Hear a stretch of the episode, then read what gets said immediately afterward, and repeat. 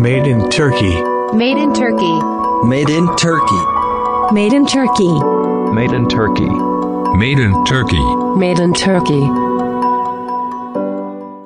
Herkese selamlar. Ben Levent Aşkan ve Türkiye'den yurt dışına ürün satan firmaları ağırladığımız Made in Turkey adlı podcast'imizin 29. bölümüne hoş geldiniz.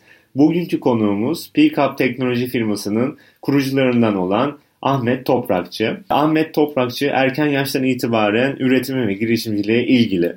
Çalıştığı kurumsal firmada edindiği deneyimler doğrultusunda Pickup'ı kuruyor ve ilk etapta verdikleri hizmetle şirketlerin buluta kolay bir şekilde entegre olmasını, geçiş yapmasını sağlıyorlar. Burada belli bir noktaya gelindikten sonra da içeride kendi ürünlerini geliştiriyorlar ve şimdi de bu ürünleri yurt dışına satıyorlar. Bu bölümümüzde de bu ürünlerin neler olduğunu ve nasıl yurt dışına satıldıklarını konuşacağız. Bununla birlikte 3 yıl üst üste Deloitte Teknoloji Fast 50 listesine giren bir firma Pickup ve sunduğu ürünlerle birlikte şirket kültürüyle de öne çıkıyor. Ek olarak sizlerle de bir duyuru paylaşacağım. Offline buluşmalarımızın ikincisinin tarihi ve konuğu netleşti. 26 Şubat tarihinde Pricing'in ofisinde Volosoft'un kurucu ortaklarından olan Halil İbrahim Kalkan'ı ağırlayacağız. Halil ile Volosoft'un hikayesini nasıl GitHub üzerinden başlayıp ürün seviyesine geldiklerini ve yurt dışına satış yapmaya başladıklarını bununla birlikte de yakın zamandaki planlarını konuşacağız. Etkinlikte neler konuşacağımızı detaylar kısmında paylaşıyorum. Linki oradan da ulaşabilirsiniz. Şimdiden keyifli dinlemeler ve görüşmek üzere. Ahmet Bey hoş geldiniz. Hoş bulduk. Nasılsınız? İyisiniz? İyiyim. Çok teşekkür ederim Levent Bey. Hoş geldiniz. Hoş bulduk. Ee, bugün Pickup'ın hikayesini dinleyeceğiz ama e, daha önceki podcastlerde edindiğim bilgiler, deneyimler doğrultusunda firmanın hikayesine geçmeden önce aslında kişinin hikayesini dinlemek istiyoruz. E, sizi tanıyabilir miyiz? Peki. Ben elektrik mühendisi kökenliyim. Sonrasında işletme master yaptım. İstanbul Teknik Üniversitesi'nde ikisi de. Bu okul formasyonunun haricinde e, kendim bildim bileli de iş hayatının içerisinde varım. Yani lise yıllarından itibaren bilgisayar teknolojileriyle e, ya da teknolojiyle bilfiil ilgileniyorum. E, o vakitlerden beri de hayatımı bundan kazanıyor oldum. Hayatım bunda kazanılırken gelip İstanbul'da, Antalya'dan geldim İstanbul'a. Üniversiteyi gene bu şekilde okudum. Ondan sonra da iş yaşamında bunun beraberinde devam etti. Kurumsal bir firmada çalıştım daha önce. Yani burada eğitmenlik yaptım, danışmanlık yaptım. Türkiye'nin önde gelen kurumlarında ciddi teknolojileri ayağa kaldırdığımız projeler içerisinde bulundum. Ama 2012 yılında sektörün içerisinde bulut teknolojileri aslında Türkiye'ye geldi diyebiliriz o yılda. E, bu noktada da ben artık bu trendi takip edip kendi şirketimi kurayım diye bir noktaya geldim. E, bununla birlikte 2012 yılında çıktığımız yolculukta bugün işte 8. yılımızın içinde devam ediyoruz. E, mütevazı bir yol kat ettik. Onları da zaten bu podcast'in içinde konuşuyor oluruz. Çok güzel. Aslında o zaman daha önceden edindiğiniz deneyimler doğrultusunda onu artık kendi işinize çevirme yoluyla kurulan bir hikaye değil mi? Pickup. Tabii doğru. Çünkü daha önceden galiba Bilgi Adam'da çalışıyordunuz. Aha. Bilgi Adam'da bu bahsettiğim e, tecrübelerin büyük bölümü geçti. Tabii teknolojinin içinde olunca bu trendleri de yakından takip etme şansınız oluyor ve bu trendlerin hangilerinin ön planda olabileceği, hangilerinin gelişebileceği ile ilişkili bir e, fikrin e, hatta fikrin ötesinde bunu her gün yaşıyorsunuz. Dolayısıyla teknik kökenli olup belki bir şirket sürecine ayağa kaldırmak daha kolay diye düşünüyorum. Anladım. Ama bunun yanında da gene bahsetmek istediğim konulardan bir tanesi sadece teknik süreçlerde iyi olarak da olmuyor. Bunun işletme tarafında da ciddi ve maliyetli öğrenimlerimiz oldu bu sürecin içerisinde. E, o yüzden hani iki tarafı dengeleyerek bir hayat yaşamak lazım. Evet. E, 2012 yılında kurduğunuzda tek siz mi kurdunuz yoksa başka kişiler de var mıydı bu maceraya sizlerle beraber katılan? Şöyle, e, şirketi 2012 yılında Bilimite şirketi olarak kurduk. Bugün anonim şirketi olarak devam ediyoruz.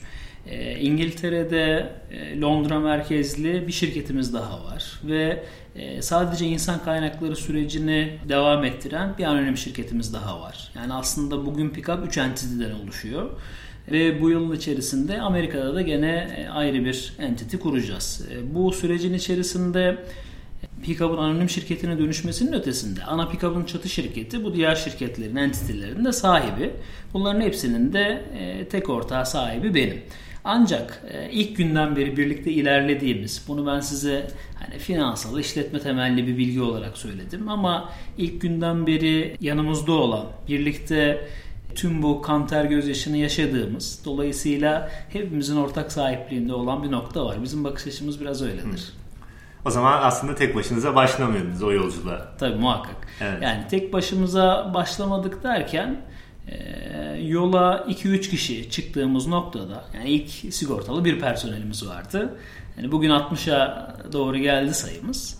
Ama ekipli oluyor. Onu Evet. baştan söylemek lazım. Güzel. Ee, peki 2012 yılında ilk çıktığınızda ne yapıyordunuz? Yani hizmet olarak ne veriyordunuz? Şöyle, e, bizim ilk günden itibaren bulut teknolojileri konusunda e, altyapılara ilişkin danışmanlık yapalım, bu ürünlerin lisanslarını da sağlayalım gibi bir kaygımız vardı. Ama o gün için en zor olan konu bu konuda insan kaynağı yoktu Türkiye'de. Bu teknolojileri bilen e, kişiler yoktu. E, ben de daha önce eğitmen olarak çalıştığım için insanların neleri bilmeden bir noktaya geldiklerini de yani onları öğrenebildiklerini kendilerine yetiştirdikleri takdirde ciddi bilgiler elde edebildiklerini de görmemle beraber biz bu insan kaynaklarını yetiştirebiliriz diye düşündük. İTÜ'den bahsetmiştik başlarken. Ee, o sırada İTÜ Maden Fakültesi'nin dekanıyla bir sohbet ettik. Açtık bu görüşümüzü. Rektörümüze gittik vesaire. Nihayetinde e, bize İTÜ'nün Maden Fakültesinden bir laboratuvar tahsis ettiler. Dediler ki biz de o zaman bu- bunu tabii ki bir proje şeklinde anlattık. Yani e, bulut teknolojileri konusunda insan kaynağı yetiştirmek istediğimizi ki İTÜ'nün içerisinde bunu tüm öğrencilere duyurduk. Aşağı yukarı bin küsür başvuru aldık bunun için. 120 civarında mülakat yaptık ve 20 kişiyi seçtik nihayetinde. Eğitim amaçlı. Eğitim amaçlı herhangi bir ücret e, talep etmeden mezun olma aşamasında ya da 4. sınıf öğrencilerinden seçtik. Bu öğrencilere akşam 18 ila 23 arasında tempolu bir eğitim verdik. ne kadar süre? Yüzlerce saat. Yani toplamda 600 saati geçtik. Yazılım odaklı. Ee, aslında daha altyapı teknolojileri odaklı, yazılım odaklı değil.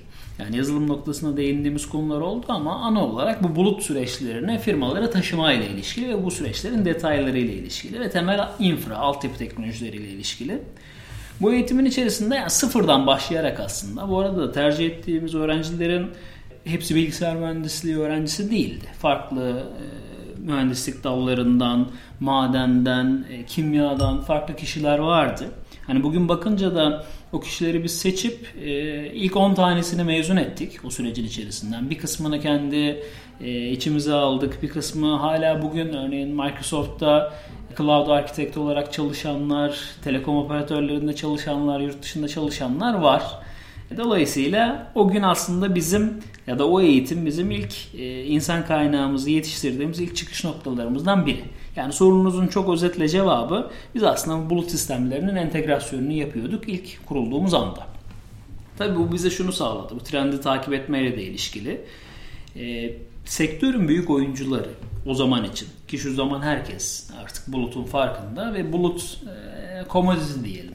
Olmazsa olmaz artık bulutun bir sonrasını bulutta yapay zekayı, bulutta e, sunucusuz teknolojileri, makine öğrenmesini vesaire konuştuğumuz öyle bir trendin eşiğindeyiz. Bunlar da bugün gerçekleşiyor. Biz de bugün onlarla ilgili çalışmalar yapıyoruz. Ama o gün sektördeki büyük oyuncuların neredeyse hepsi bulutla ilişkili ciddi ön yargılara sahipti. Türkiye'nin kendisi de gene bu şekilde ön yargılara sahipti. Bugün baktığınızda bankacılık ve telekom dünyasında, ses dünyasında hala regülatif engeller var. Ama bunların da kalkacağı aşikar. Bunlarla ilişkili e, sıkça konuşuluyor. Türkiye'nin içinde yerleşik bulut sağlayıcılarının sayısı arttı. Ki dünyada da zaten Microsoft, AWS, Amazon, Google, Facebook bunları belli noktaya getirdiler, taşıdılar. Şu an bir oran var mıdır mesela bulut kullanıcılarının Türkiye'de firma olarak? Şöyle ilginç şeyler söyleyebilirim bu konuda. Büyük kurumların buluta geçişleri var ciddi manada ve e, bulutu kullanıyorlar. Kendi gelecek yatırımlarını artık lokal data center'lara değil bulutlara yapıyorlar. Ama E, KOBİ'ler özellikle küçük ölçekli firmaların çoğu artık altyapılarını buluta taşıyorlar. Çünkü bulutun sağladığı çok temel e, bir finansal avantaj var. Siz ne kadar kullanıyorsanız o kadar ödüyorsunuz. E, bizim diğer sunduğumuz servis modelleri, kendi ürünlerimiz de öyle hatta. Aslında sözün özü, başladığım noktaya gelirsem, o büyük oyuncuların da buluta uzak bakmasının sebebi bu tip finansal kaygılardı. Şöyle örneklendireyim. Örneğin siz bir sektörün büyük oyuncusu olarak projeyi yaptınız. İşte projenin sonunda 200 bin dolar gelir elde ettiniz. Ona göre hayatınıza devam ettiniz. Yani project based services dediğimiz dünyada bulk büyük paralarla işler yapıldığı zaman kendi finansal modeliniz, P&L'iniz ona göre oluşuyor. Ve buna artık mecbur olduğunuz bir dünya var. Bir anda buna transform olmanız çok mümkün değil. Bulutsa şunu diyor. Sen bana 200 bin dolar verme. Sen bana 150 dolar ver. Ama Aynen. her ay ver. E, belli kullanıcı sayısında ver. Ve bu kullanıcılarım benim azalırsa ben az ödeyeyim. Çoğalırsa çok ödeyeyim. Buna add-on olarak ürünler ekleyebileyim. Yani çok iyi biliyoruz artık bugün evlerimizde bile bulut zaten yeni bir konu değil aslında. Herhangi bir kişinin zaten yıllardır e-mail hesabı var cloud servislerin üzerinden aldığımız ama bugün Netflix'ten tutun Spotify'ına internetten aldığınız birçok herhangi bir hizmete yazılım dünyasına artık firmaların lokalinde sunucu tutmak ya da e, insanların hizmet aldığı sunucuları bir firmanın kendi altyapısında barındırması ciddi maliyetli ve üzerine düşünülmesi gereken süreçler. Ama o gün firmaların hiçbiri, büyük oyuncuların hiçbiri bunun bugüne gelebileceğini düşünmüyordu diye söyleyeyim. Ya da bunun Türkiye'de olabileceğine inanmıyorlardı. Ve giriş yapmak istemediler.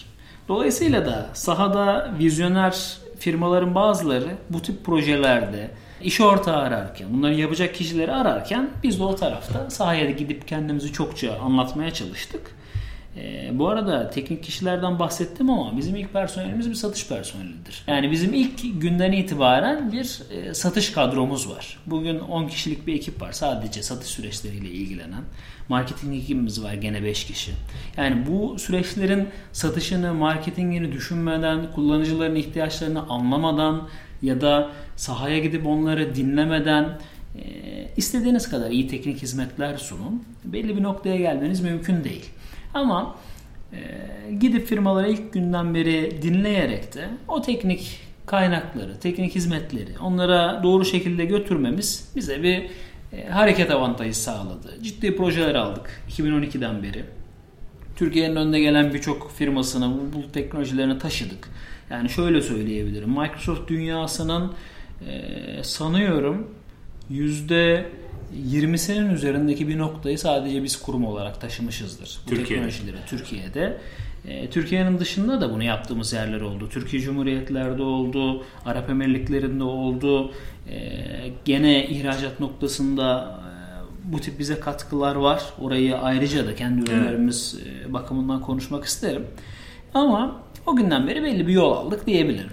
Ne kadar süre sürdü bu e, kurum aşaması? Yani firmalara verdiğiniz hizmet kaç yıl? Şu anda devam ediyor mu? E, Şu anda hala bu bizim önemli işlerimizden bir tanesi. E, Türkiye'de 700 binin üzerinde son kullanıcıyı bu platforma taşıdık. Ve bugün baktığımızda e, 700'ün üzerinde firmaya biz aylık fatura kesiyoruz. Bu tip e, ürünlerle ilişkili ve kendi servislerimizle ilişkili. Kurulma aşaması çok çabuk oldu. Yani bir şirket kurmak kolay bir aksiyon. Önemli olan şirketin resmi kimliğine kavuşmasının ötesinde ne yapacağınız, hayata geçirdiğiniz evre. Onu da şöyle söyleyebilirim. Benim aslında bu çocukluğumdan beri hayalim olan bir konu. Dolayısıyla bu konuda çok memnunum şu anda geldiğimiz yerde. En azından hayal ettiğim bir şeyi yapabildiğim için ama bu isteği bu trendle beraber hayata kavuşturabileceğimizi fark ettiğimiz bir an oldu işte 2012'de. Bu anda da tabii ki o günün realitelerinde benim çalıştığım kurumda büyük kurumlardan bir tanesiydi. O fikri tartıştığımızda onlar da bunun çok bu şekilde olabileceğini düşünmüyorlardı. O yüzden bir e, kavşağa geldik. O kavşakta biz yollarımızı ayırdık. E, şu anda da Devam ediyor. sektörde iyi oyunculardan bir tanesi olduk Aynen. diyebilirim. Zaten aslında Deloitte'un da bu alanda yaptığı araştırmalarda hızlı büyüyen 50 teknoloji şirketindesiniz diye ben okudum. O Doğru. da onun aslında bir göstergesi. Doğru. Şöyle, e, bu tabii ki sadece finansal yönünün göstergesi. Ama tabii bugün Türkiye'de finansal olarak güçlü olmak önemli olgulardan bir tanesi. E, teknoloji şirketleri için ya da yazılım üreten firmalar için finansal büyüklük her şey demek değildir. Ya da insan kaynağı, çalışan sayısı bunlar tek kriter değildir. Önemli olan ürettiğiniz değerdir. Ya da finansal açıdan bakacaksanız karlılıktır. Biz bu rasyolara elbette ki dikkat ediyoruz. Ama konu Deloitte'e gelince Deloitte'un e, listesine girebilmek için 5 yıllık bir olgunluğa ulaşmanız gerekiyor öncelikle. Sonrasında da son 4 yılın mali verilerine bakarak o 4 yıldaki büyüme cirosal bazda ne kadar olmuş diye bakıyorlar. Tabii ki teknoloji bakımından da ilk 50 firmada e, çıtayı kestikleri için e, ciddi de yüksek bir büyüme oranı gerekiyor. E, biz bu listenin içerisine 3 yıl üst üste e, girdik. Aslında 8. yılımızdayız. İlk e, eligible olduğumuz tarihten itibaren e, girdik diyebilirim. Bu da oradaki sürdürülebilir büyüme açısından bizi motive eden bir unsur. Dediğim gibi her şey demek değil ama seneye de bu listeye girmek ister miyiz? Canı gönülden isteriz. Güzel bir gösterge aslında. Bir göstergedir. Evet. Finansal performans da önemli tabii. Şimdi e, aslında siz de bahsettiniz. Bir de kendi geliştirdiğiniz ürünler var. Siz yavaş yavaş bu firmalara bu danışmanlık hizmetlerini veya kurulum hizmetlerini verirken orada benim dışarıdan gördüğüm herhalde bir portföy oluşuyor. Ve sonrasında da e, sizin yine girişimcilik karakterinizle böyle birleşip kendi ürünleriniz ortaya çıkıyor. O ürünlere biraz değinebilir miyiz? Ne tarz ürünleriniz var? E, o ürünler neler yapıyor? Tabii. Şu an benim gördüğüm 3 tane sizin içeride geliştirdiğiniz ürün var. E, ve bunları yurt dışında nasıl satıyorsunuz? Bizim toplamda 11 ürünümüz var şu anda. Bunlardan 3 tanesi daha amiral gemisi olan ürünlerimiz. Evet. Bunun öncesinde e, bu yolculuk nasıl başladı? Biraz ondan bahsedeyim aslında. Şimdi müşteri hizmet sektöründe faaliyet gösteren bir firma için en önemli olan unsurdur. Yani siz istediğiniz kadar teknolojik açıdan değerli, e, çok high tech diyebiliriz ya da ilginç, ileri düzey teknolojiler üretseniz bile ya da yaptığınız işi ne kadar kaliteli yaparsanız yapın. Yani işletme dünyasında buna belki market fit diyebilirsiniz. Pazarda onun karşılığı yoksa, talep yoksa ya da e, asıl ihtiyaç bu değilse o ürünlerin birçoğu hayata geçmez ya da sizin iş fikriniz başarılı olmaz. Bugün e, bizim de destek olduğumuz startuplar var ya da e, bu dünya ile iç içeyiz diyebiliriz. Bize e, sıklıkla gelip fikirlerini anlatanlar oluyor. Hep konuştuğumuz zaman o realiteyi de arıyoruz aslında. Bizim belki iyi yaptığımız noktalardan bir tanesi bu oldu. Bir teknolojik trendi aldık. İlk günden itibaren o konuda teknik derinleştik. Ürünlerimizi de müşteri ihtiyaçlarına dayandırdık. Dolayısıyla gerçeğe dönüştü süreçler. Bugün de daha teknolojik süreçlerle o high tech dediğimiz noktaların birçoğuyla uğraşıyoruz. Pickup şu anda Türkiye'nin 860. ARGE merkezi ve şu anda bu içinde bulunduğumuz ofis aslında bir ARGE merkezinin içi. Burada da TÜBİTAK'la beraber, e, Sanayi Bakanlığı ile beraber birçok proje e, üretiliyor. Bunların bir kısmından size rahatlıkla bahsedebilirim, bir kısmından bahsedemem. E, ama önemli işler belli bir noktadan sonra daha vizyoner olabilme şansınız artıyor, yapabiliyorsunuz. Yani burada önemli olarak değinebileceğimiz konu şu. Sahada müşteride bu ürünlerin karşılığının olduğunu öncelikle onların derdini dinleyerek tespit etmeniz lazım. Bu ürünler de böyle gelişti. Bir taraftan da tabii ki bir firmanın ürününü alıp e, sadece lisans olarak konumlamak, hatta bunun üstüne gidip bunun projesini yapmak güzel şeyler ama bunlar bizi tatmin eden unsurlar değil sadece. Şimdi şunu yapmak lazım. Bugün bizim yaptığımız işlerde biz o lisansı da sağlıyoruz, e, altyapıyı da sağlıyoruz, kurulumunu da yapıyoruz, eğitimini de veriyoruz. Eğer bu platformları yönetecek insan kaynağı ihtiyacı varsa o insan kaynaklarını, insan kaynağını da sağlıyoruz insan kaynakları şirketimizle. Ama bu yine de bir, belli bir noktaya kadar proje bazlı yaptığınız iş ya da başkasının ürünü. Burada asıl katma değerli olabileceğiniz konu kendi ürünlerinizi bu firmalara sunmanız. Orada da yol biraz dallanıyor. Bu ürünü sunduğunuz firmalar Türkiye'deki e, farklı segmentteki, farklı büyüklükteki yerel kuruluşlar olabilir. Dallandığı noktalardan bir tanesi e, yurt dışı menşeli firmaların ya da global firmaların Türkiye'deki entitileri olabilir. Ki bunlara satış yapmak e, önemli bir unsur Türkiye'deki yazılım üreticileri için. Yurt dışındaki firmalar olabilir. Bunların hepsi adım adım farklı noktalara gidiyor. Biz e, şu anda ya bakınca 10. yılımızı geçerken gelirlerimizin %30'undan fazlası kendi ürünlerimizden ve yurt dışı kaynaklı gelsin diye bir hedef aslında kovalıyoruz. O yüzden de sadece bu hizmetleri sunmak yetmedi bize. Çok dürüstçe söylemek gerekirse. Bunların üstüne gerçekten bu ürünlerin tamamlayıcısı olabilecek ya da sahanın ihtiyacı olabilecek ürünler neyse onları anlayıp onları da e, yazılım ekibimizde bir kişiyle başladı. Şu anda 13 kişilik bir yazılım ekibimiz var. Onlarla beraber geliştiriyoruz. O ürünleri biraz açabilir miyiz? Açayım. Aslında e, oraya biraz gelsek güzel olur. Çünkü Tamam. bayağı değerli ürünler var orada. Dinleyicilerin de merak edip en azından kullanabileceklerini düşünüyorum. Sağ olun. Şimdi bu ürünlerden bir tanesi Passgate dediğimiz e, son kullanıcıların parolalarını kendi kendilerine sıfırlayabilecekleri bir e, self-service password management platformu. Passgate'i şöyle düşünün. Bugün kullanan firmalar arasında Medi- Medical Park hastanelerinden tutun o gruptan işte İpregaz'a, McDonald's'a, havayolu e, firmalarından belediye iştiraklerine, İETT'ye yani Türkiye'nin önde gelen birçok kurumu sokağa çıktığınız zaman karşılaştığınız bir AVM'ye girdiğiniz zaman karşılaştığınız aklıma şöyle referansları düşünüyorum da perakendesinden e, enerjisine birçok firma kullanıyor. Yani yüz binlerce kullanıcı şu anda parolasını Passgate'le sıfırlıyor. Kendi sistemine giremediği zaman. Bu parola sadece bilgisayarını açtığı Windows parolası olmak zorunda değil. E-mail platformlarının e, giremediği SAP platformlarının AS400 gibi daha mesela sigortacılık tarafında AS400 e, platformu çok eski 80'lerin platformu. Onunla bile kullanabiliyorlar bugün e, Passgate'i. Bankacılık tarafında gene e, referanslarımız var. Kendi sistemlerine erişmede kullandıkları. Yani Passgate size şunu sağlıyor. Şifrenizi unuttunuz. Doktor çıktı, ameliyatın sonuçlarına girecek. E, ama gece e, bilgisayarını açamama gibi bir durumu söz konusu olamaz. O yüzden bilgi işlem mutlaka nöbetçi birisini bulundurur. E, o kişi onun için parolasını sıfırlar. Ya da bir havayolu şirketinin ya da bir havaalanının sistemine erişemiyorum, parolamı unuttum gibi bir durum söz konusu olamaz. 7-24 operasyonlar bunlar.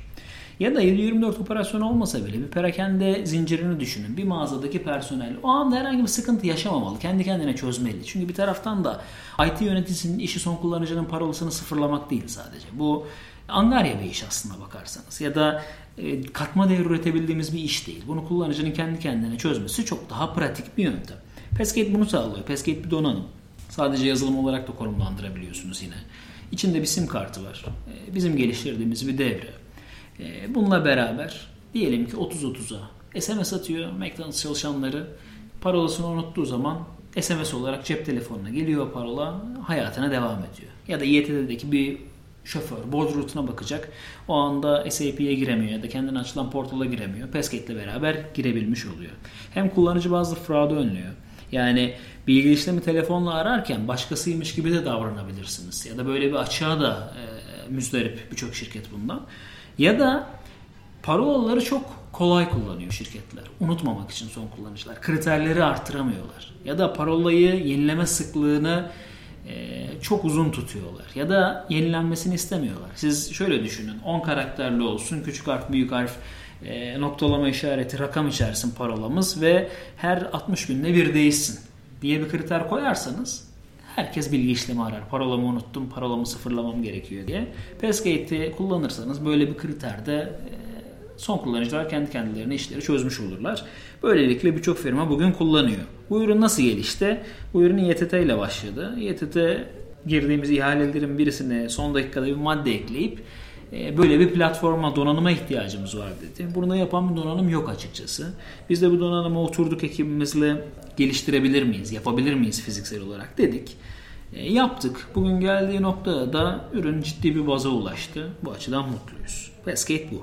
Aslında tamamıyla kullanıcıların güvenli bir şekilde şifrelerin değiştirilmesini sağlıyor. Çok doğru. Ve e, unuttuğu noktada. Unuttuğu noktada. isterse unutmasa da değiştirebilir. Bir güvenlik gereksinimi hissederse. Bilgisayarına giremiyor, account lock olmuş. Onu açabilir. Dış tedarikçilerle çalışıyordur firma. VPN accountlarıyla geliyordur dışarıdaki kişiler. onların accountlarını yönetebilir. Dolayısıyla birçok pratik unsuru var. E, bu ürün de arka planda fraud detection'a yönelik üzerinde çalıştığımız bir e, TÜBİTAK projesi aynı zamanda. Yani bunun yapay zeka, makine öğrenmesi gibi konularında da ayrıca çalıştığımız bir yön var. Yani gerçekten o parolayı sıfırladı belki ama o, o kişinin parola sıfırlama paternine uyuyor mu? O kişi gerçekten o kişi mi diye üzerinde çalışıyoruz. Yani Anladım. ürününde e, gelişim fazları olacak. Fastgate bu. Signango'dan bahsedelim. Signango kullanıcıların e-maillerinin altındaki imzalarının yani isim, soyisim, title, telefon numarası, adres, şirketin işte 45. yılımızı kutluyoruz banner'ı e, ya da bir kampanyası, sosyal medya hesapları, duyuruları, bilgileri, disclaimer'ı bunların hepsini yönetebildiğiniz bir platform. Bunu da pazarlama departmanları ya da insan kaynakları departmanları kendi kendilerine yapabiliyorlar. Bu e-mail imzalarını yönetmek özellikle kurumsal boyuta ulaşan şirketler için bir derttir. Kurumsal boyuta ulaşmasa da e, sonuçta kartvizit gibi e, şirketin çalışanın attığı e-mail ve gün içerisinde onlarca kişiye mail atıyoruz. Doğru. E, o mailin altında bazen bize der ki pazarlama yöneticileri ya da PR departmanımız şöyle bir banner'ı bir kampanya çıkıyoruz. Herkes e-mail imzalarına koysun. Kimi koyar, kimi koymaz. Daha vahimi işte satış personelidir kendine satış direktörü diye yazar. Ee, gibi firma büyüdükçe farklı noktalar oluyor. Kişi evlenir, soyadı değişir, o değişmez, adresi değişir, title değişir. Yani bunu birinin yönetmesi gerek. Son kullanıcıya bırakılacak işte son kullanıcı karar vermek. Signango ile beraber bunu merkezi olarak aynı insan kaynakları istediği gibi yönetebilir. istediği banner'e koyabilir. Zaten sistemden bu bilgiler otomatik olarak çekiliyor. Sistemde kişiyi terfi ettirip title'ını değiştirdiğinizde imzası da otomatik güncellenmiş oluyor. Signango bu. Bayağı güzel. E, Güzel bir noktaya değiniyor. Çünkü o banner olayı mesela kritik. Ben bunun genelde Outlook üzerinden yapıyorum. Ama herkes Outlook üzerinden yapamayabiliyor. Adres değiştiğinde otomatik adres değiştirilmesi. Bazıları eski adres kullanıyor. Toplantıya gidiyor. Eski adreste imza vardı ama yeni adresteyiz oluyor. Bayağı onun tek bir platform üzerinden yönetilmesi güzel olmuş. Küçük bir detay ama herkesin ihtiyacı olan bir detay. Bu konuda da Döhler, Dominos, e, Galatasaray Spor Kulübü yani ciddi referanslarımız var yine. Yurt dışı menşeli firmaların Türkiye e, bacakları da var. Yerel firmalarımız da var. Yabancı firmalarımız da var. E, Özellikle İngiltere operasyonumuz bu ürün üzerine kurulu hatta. Signango üzerine. Bir de Velocity diye bir ürünümüz var. Gene üçüncü amiral gemisi olan ürün olarak bundan bahsedebilirim. Velocity bir internet portalı ama SaaS bir internet portalı. Genelde internet portal projeleri ya da şöyle daha basit anlatmaya çalışayım. İnsan kaynaklarının kurduğu portallar. Hani girip işte şirketin prosedürleri neymiş diye bakarız. E, avansı ben nasıl bir formdan doldurabilirim? İşte şirket benim ne kadar iznim kalmış ya da bizim izin politikamız nedir? İşte yemek nedir? Öğle yemeğinde ne çıkıyor? Servis saatleri, işte bugün evlenenler, taziye, birçok nokta şirketle ilgili kurumsal haberler, hava durumu bunları gördüğümüz iç portallar var şirketlerin birçoğunda. Bu portal projeleri çok dertli projelerdir. SharePoint odaklı altyapılarda ya da e, third party uygulamalarla yapılan yapılarda aylarca sürer bu projeler. O kadar sürer ki proje bittiğinde teknoloji değişmiş olur. Daha güncel şeyler çıkmış olur. Ve bu projelerin kritik noktası ne kadar kolay içerik girilebildiğine bağlı projelerdir. Yani siz istediğiniz kadar güzel bir web sitesi oluşturun özetle. Buna içerik girmiyorsanız e, o ölü doğmuş bir projedir. Atıl kalır. İlk önce güzel gözükür bu portallar. Sonra hızlıca eskir ve kullanılmaz noktaya gelir ve maliyetli projelerdir. Bugün en küçük portal projesini yapmak isteseniz en azından 40-50 bin TL bir para harcarsınız. Velocity şu. Velocity'yi siz aldığınız andan itibaren aynı saatin içinde kullanmaya başladığınız, kendi kurumsal kimliğinizi hızlıca logonuzu koyup devam edebildiğiniz bu bahsettiğim tüm özellikleri, bunlara widget deniyor terminolojik olarak ya da küçük uygulamacıklar diyelim. Bu servis saatlerini, yemek menüsünü vesaire her şeyi gördüğünüz, toplantı odalarının durumundan tutun, işte şirketle ilişkili birçok gelişmeyi, e, şirketin içerisinden bir kişinin belki şirketin içinde yani ikinci el bir ürünü satmasından tutun, şirketlerde kullandığımız widgetleri düşünüyorum. Bir fikir e, üretme widget'ı, numaratör widget'ları birçok şeyi e, içinden hızlıca ayağa kaldırabiliyorsunuz. Bir menüden siz hangilerini kullanmak istediğinizi seçiyorsunuz. İçerik girişinizi yapıyorsunuz. İşte kullanıcıların rehberi, şirketteki kişilerin telefon numaraları, yeni işe başlayanların özlük bilgileri onların hepsini görebildiğiniz bir platform. Aynı saat içinde kullanmaya başlıyorsunuz. Gayet modern arayüzler. mobil cihazlarda da gayet e, performanslı bir şekilde çalışan ve şirketin içerisinde bulundurduğunuz kurumsal kimlik dosyalarınıza, kurumsal e, hafızanızı bulunduran evraklara yani şirketin içindeki dokümanlarınıza da hızlıca erişebileceğiniz bir platform bu. O yüzden de Velocity'de isminden mütevellit söylemeye çalıştığımız çok hızlı bir şekilde açabildiğiniz bir portal. Biraz da ama insan kaynaklarına yönelik galiba. İnsan kaynaklarına yönelik, iç uygulamalara yönelik. Asıl burada hedef kişimiz firmalardaki insan kaynakları yöneticileri. Çünkü genelde bu projeler onlarla beraber başlıyor ama IT ekibinin de çok içinde olduğu ve karşılıklı e, zorluk çekilen, iki tarafında birbirini anlamakta biraz zorlandığı işler oluyor. Dolayısıyla dertli yönleri var. Velocity SaaS bir ürün. Diğer bahsettiğim Pescate de öyle, Sign Go da öyle. Kaç kullanıcı, ne kadar kullanmak isterseniz ki Sign Go'da kullanıcı sayısı var. Pescate'de ve Velocity'de sadece ürünün kendisine bir ücret ödüyorsunuz. Pescate dediğimiz ürün aylık 190 dolar ya da 990 TL diyebilirsiniz. Sign Go e, fiyat segmenti değişiyor ama 0.5, 0.7, 1 dolarlarda yani 2.99, 3.99, 4.99 TL kullanıcı başına gibi fiyatları var. Velocity'de 1490 TL aylık ya da 290 dolar diyebilirsiniz. Siz kullandığınız Velocity'yi beğenmediniz. 3. ayın sonunda, 2. ayın sonunda istediğiniz anda çıkabilirsiniz. O yüzden de ön yatırım riski taşımayan, hızlıca kullanıp ayağa kaldırabileceğiniz e, noktalar. O yüzden de böyle rekabetçi fiyatlarla ciddi altyapılar sunuyoruz. E, dolayısıyla bu ürünlerin Pescate'in doğrudan bir muadili yok ama Signengo'nun Velocity'nin rakiplerine karşı çok ciddi fiyat avantajları var. Ve teknolojik üstünlükleri var. Böylelikle piyasada bu üç ürünü yaygınlaştırma çabamız var. Var. Ve bunları da anladığım kadarıyla yurt içi ile birlikte yurt dışında da yaygınlaştırmaya çalışıyorsunuz. Onun için burada bahsettiğiniz satış ekibi ve marketing ekibi bu projelere odaklı mı çalışıyor? Özellikle marketing ekibimiz yurt dışında bu ürünleri nasıl satabiliriz? Doğru işte bahsettiğim market fit var mıdır ülkede? Ki İngiltere'de ve Amerika'da olduğunu düşünüyoruz kesinlikle. Çünkü muadilleri de oranın e, kökeninde. Yani Türkiye'de biz Velocity ile ilişkili, Sign Go ile ilişkili bir ürün, bir firmaya gittiğimizde onun Amerikan menşeli rakibinin e, zaten yerine bu ürünleri konumluyoruz. Dolayısıyla Amerika'da ve İngiltere'de o ürünlerin yaygınlıkları daha fazla olduğu için daha iyi olabileceğini düşünüyoruz. Yani gidip onları kendi ülkelerinde Türk ürünleriyle değiştireceğiz. O yüzden de marketing ekibimizin odağı daha çok bu. İngiltere operasyonumuzda satış odaklı bir operasyon. Ürün burada üretiliyor. Tüm ürünler. Teknik ekibimiz, geliştirdiğimiz ekibimiz Türkiye'de, İstanbul'da. Ee, böyle bir yolculuk. Şu an bu bahsettiğimiz 3 tane yazılımın kullanıcı sayıları hakkında bilgi verebilir misiniz? Ya da böyle yurt içi yurt dışı oran şeklinde. Yurt dışı oranlarımız hala mütevazı. Dediğim gibi e, geçtiğimiz yıl yeni başlayan operasyonlar bunlar. E, özellikle İngiltere tarafı. Amerika tarafı da bu yıl başlayacak. Kullanıcı sayıları açısından e, İngiltere'de özellikle Sign Go ile ilişkili birkaç müşterimiz var. Şu anda o tarafta daha yayılma çabamız var. Önümüzdeki günlerde yine İngiltere merkezli bir fuarda olacağız. Orada bu ürünlerimizi daha iyi anlatmaya çalışacağız. Gitmemiz gereken çok yol var.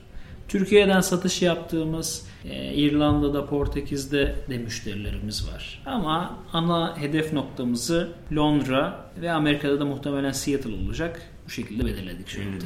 Bu üç ürün için ama aslında diğer zaten bahsettiğiniz hizmetleri yurt dışına veriyorsunuz. E, tabii danışmanlık olarak bizim Orta Doğu bölgesine gidip geldiğimiz ya da yurt dışında yaptığımız işler var. Onlar daha zaten ilk başta bahsettiğim bizim geleneksel olarak yaptığımız işler. Ama daha çok heyecanlandığımız taraf ürünler. Ürünler. Güzel. Başlangıçta şu an 60 kişinin üzerinde olduğunu aktardınız değil mi? Evet. Orada e, okuduğum kadarıyla da sizin şirket kültürüne verdiğiniz bir önem var. Hem böyle yanlış hatırlamıyorsam bir Drogon kürek takımınız mevcut. Onun dışında her cuma günleri etkinlikler, workshoplar oluyor. Oraya nasıl yaklaşıyorsunuz? Çalışanlarınıza nasıl değer veriyorsunuz? Çünkü bayağı firma yani bu şekilde düşünmeye çalışıyor. Bu yola girmek istiyor. Bazıları uygulayamıyor. Bazıları uygulama noktasında engellerle karşılaşıyor. Siz neler yapıyorsunuz bunlar için? Bu soruyu sorduğun için teşekkür ederim öncelikle. Şimdi burada birçok e, finansal odaklı, satış pazarlamaya yönelik, ihracata yönelik, e, agresif hedeflere yönelik, ürünlere yönelik çok konu konuştuk. E, ancak bunların hepsinin ekiple beraber mümkünatı söz konusu. Yani ekip olmadan, çalışanlarınızla beraber aynı gemide olduğunuzu fark etmeden bunları yapmanız pek olası değil. Aynı gemide olduğumuzu fark etmek için bizim yıllardır bir kürek takımımız var. Espri bir yana. Konuda da iddialıyız aslında. Ciddi dereceler aldığımız da olmuştu.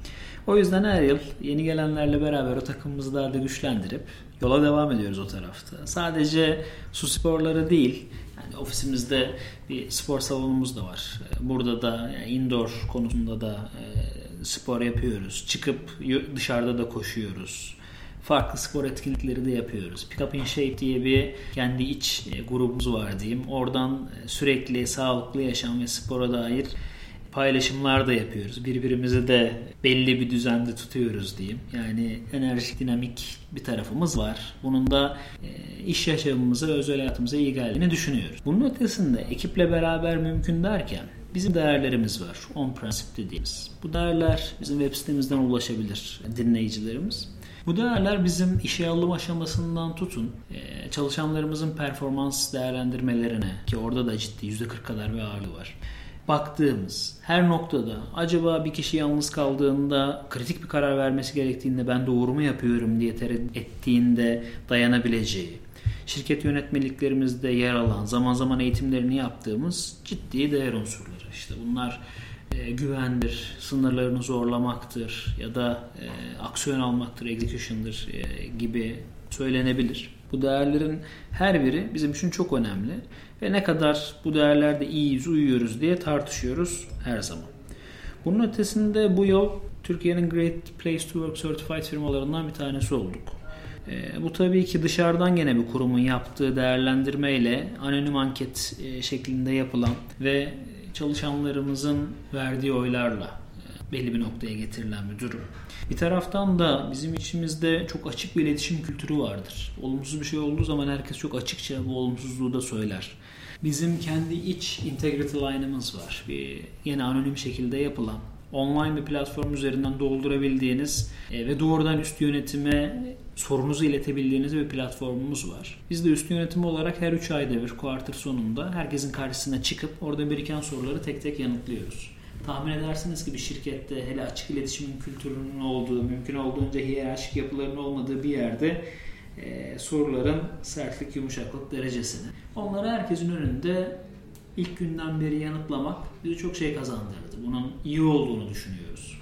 E, aramıza sonradan katılanlar bunu çok garipsedikleri anlar oluyor ama bunun herkese çok ciddi faydası var. İleriye doğru gitmemizin ciddi unsurlarından bir tanesi. Bunu yapıyoruz. Transparanlık aslında. Yani hem şeffaflık, hesap verebilirlik, aynı gemide olduğumuzun gerçekten hissedildiği bir an.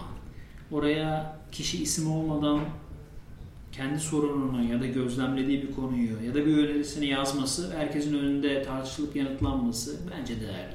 Onun ötesinde bizim iş rutinimizde her sabah bir araya geldiğimiz pazartesi sabahları yani ayakta şirketin ortasında tüm ekiplerimizin sözcülerinin o anda kendi ekibinde ne yaptığını söylediği bir all in dediğimiz bir etkinliğimiz var pazartesi sabahları. Gün içerisinde sabah ve öğlen gene bir araya geldiğimiz toplantılarımız oluyor. Bunları Kanban, Scrum toplantılarına benzetebilirsiniz.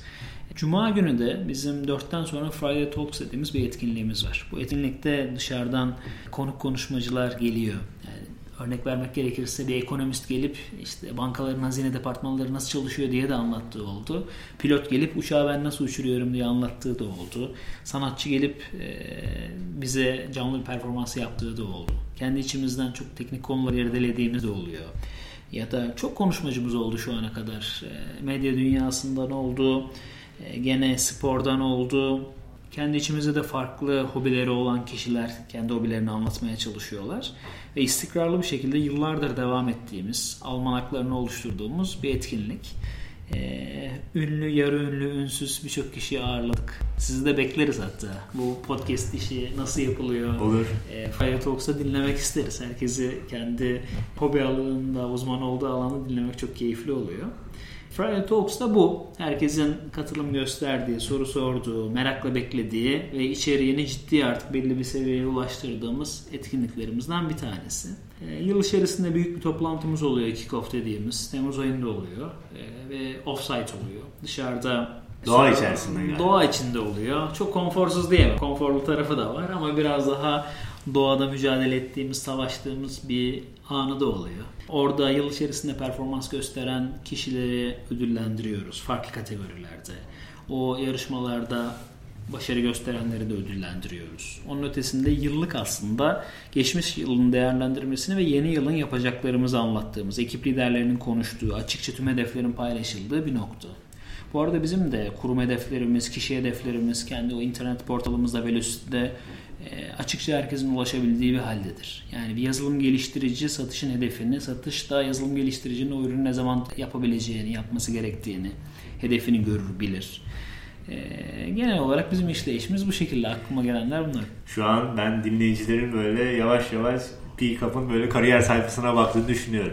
Var mı? Bakmadan size söyleyebileceğiz. Açık pozisyonlar, link, linkler direkt oradan baksınlar. Hiç Yani şöyle uğraştırmayın. söyleyebilirim. Bizim her zaman yazılım geliştirici tarafında bir arayışımız var. Yani bu backend developer olur, frontend tarafı olur, IoT tarafında e, yine olur, gömülü e, yazılım tarafında. Bunun ötesinde şöyle söyleyebilirim. Bizim e, PKB İnsan Kaynakları AŞ dediğimiz recruitment tarafı aslında dışarıya sürekli kurumsal firmalara danışmanlık yapan bir şirket.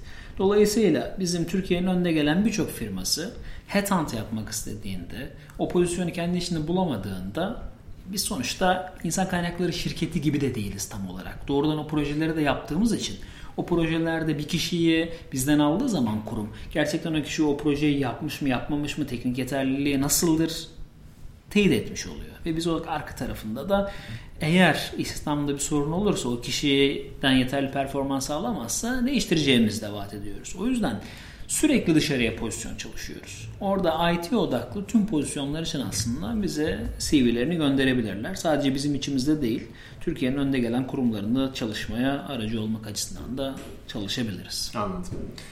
Güzel. Ee, yavaş yavaş sona doğru gelirken son sorumu sormak istiyorum. Sizin de sonra ekleyecekleriniz varsa duymak isterim.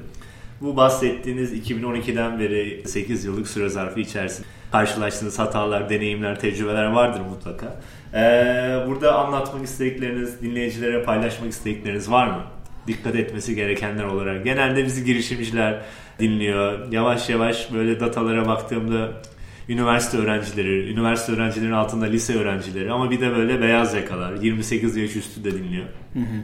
Direkt aslında genel bir tavsiye olacaktır. Şöyle diyebilirim. Bu tabii çok geniş bir soru. Yani yıllar geçip üstünde kitap yazılması gereken Doğru. bir soru. Onlardan bir tanesini alalım biz. Ee, yazılan da çok var bu konuda iyi kaynaklar. Ama ben belki toparlayıcı olarak şunu söyleyebilirim.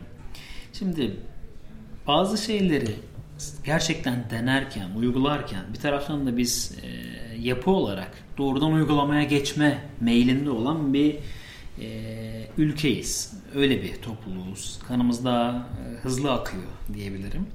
Bu konuda yeterli araştırmayı yapmaları, ödevlerini iyi yapmaları, derslerine çalışmaları önemli. Yani bir işi yapmadan önce onun fizibilitesini, planını yapmak lazım. Bunu şöyle abartmamak da gerekiyor. Her şeyi kağıt üzerinde tasarlayamazsınız. Yani bir birim konuşup biz bir birim iş yapmayı tercih ederiz. Genelde kurumsal dünyada 10 birim konuşulup bir birim işin çıktığı bile şüphelidir. Ee, o yüzden fizibilite uygulama, fizibilite uygulama diye küçük e, parçalara bölmek faydalı. Bir taraftan belki girişimcilere şunu söyleyebilirim. Akıllarında hayaller oluyor insanların. O hayali realiteyle, hem sektörün realitesiyle, talep eden insanların yani müşteri isterleriyle örtüştürüp gerçekten e, buna ihtiyaç var mı diye düşünmeleri, fikirlerine aşık olmamaları, o fikirleri işte Simon Sinek'in existential flexibility diye bir kavramı var. Özellikle teknoloji için çok daha önemli bir unsur bu. Varoluşsal ve esneklik göstermeleri lazım. Yani fikrine olması gereken yerde pivot da edeceksin. Fikrine olması gereken yerde bazen senin içini çok acıtsa da eğer sen bunu reel olarak sahaya uygulamak istiyorsan nereyi değiştirmen gerektiğini bileceksin. Çalışanlarla ilişkili, ekiple ilişkili, ya da müşterilerle ilişkili çok duygusalla yaklaşmamak lazım her sürece. Herkesin kendi dünyası olduğunu ve farklı beklentilerin olabileceğini, bu beklentilerin temelinin her zaman çok derin olamayabileceğini, insanların günlük koşuşturmacalarıyla bazı konuları e, öyle davrandıklarını kabul etmek lazım. Duygusal yaklaşmamak gerekiyor ve realist olmak gerekiyor. Dolayısıyla romantik yapılacak bir iş değil girişimcilik. Romantik tarafı var Kanter gözyaşı diye de bahsediyorum. Ben de buna inanan bir kişiyim. Ama nerede realist, nerede e, inspirational olması gerektiğini iyi bilmek lazım. Ulaşılabilir bir hedef koymak lazım. Ulaşılabilir hedef dediğiniz konu içinde kendinizi çok belli prangalara sıkıştırıp bunu ancak yaparız diye de düşünmemek lazım. Denge meselesidir girişimcilik. Çok teşekkür ediyorum o zaman. Katıldığınız için, güzel deneyimlerinizi aktardığınız için. Görüşmek üzere diyelim. Sağ olun. Çok teşekkür ederim ben de. Bölümü dinlediğiniz için teşekkürler. Ahmet Toprakçı'ya ulaşmak isterseniz kendisinin LinkedIn profilini detaylar bölümünde de paylaşıyorum. LinkedIn üzerinden Ahmet Toprakçı yazarak kendisine sorularınızı aktarabilirsiniz. Bununla birlikte hala podcast'imizi takip etmiyorsanız Spotify, iTunes, Spreaker ve YouTube üzerinden Made in Turkey yazarak kanalımıza ulaşabilir ve yeni bölümlerden de ilk siz haberdar olabilirsiniz. Son olarak eğer bizimle paylaşmak istediğiniz sorularınız varsa, yorumlarınız varsa selam et madeinturkey.xyz adresinden veya twitter.com slash madeinturkey xyz URL'sinden bize ulaşıp görüşlerinizi aktarabilirsiniz. Görüşmek üzere.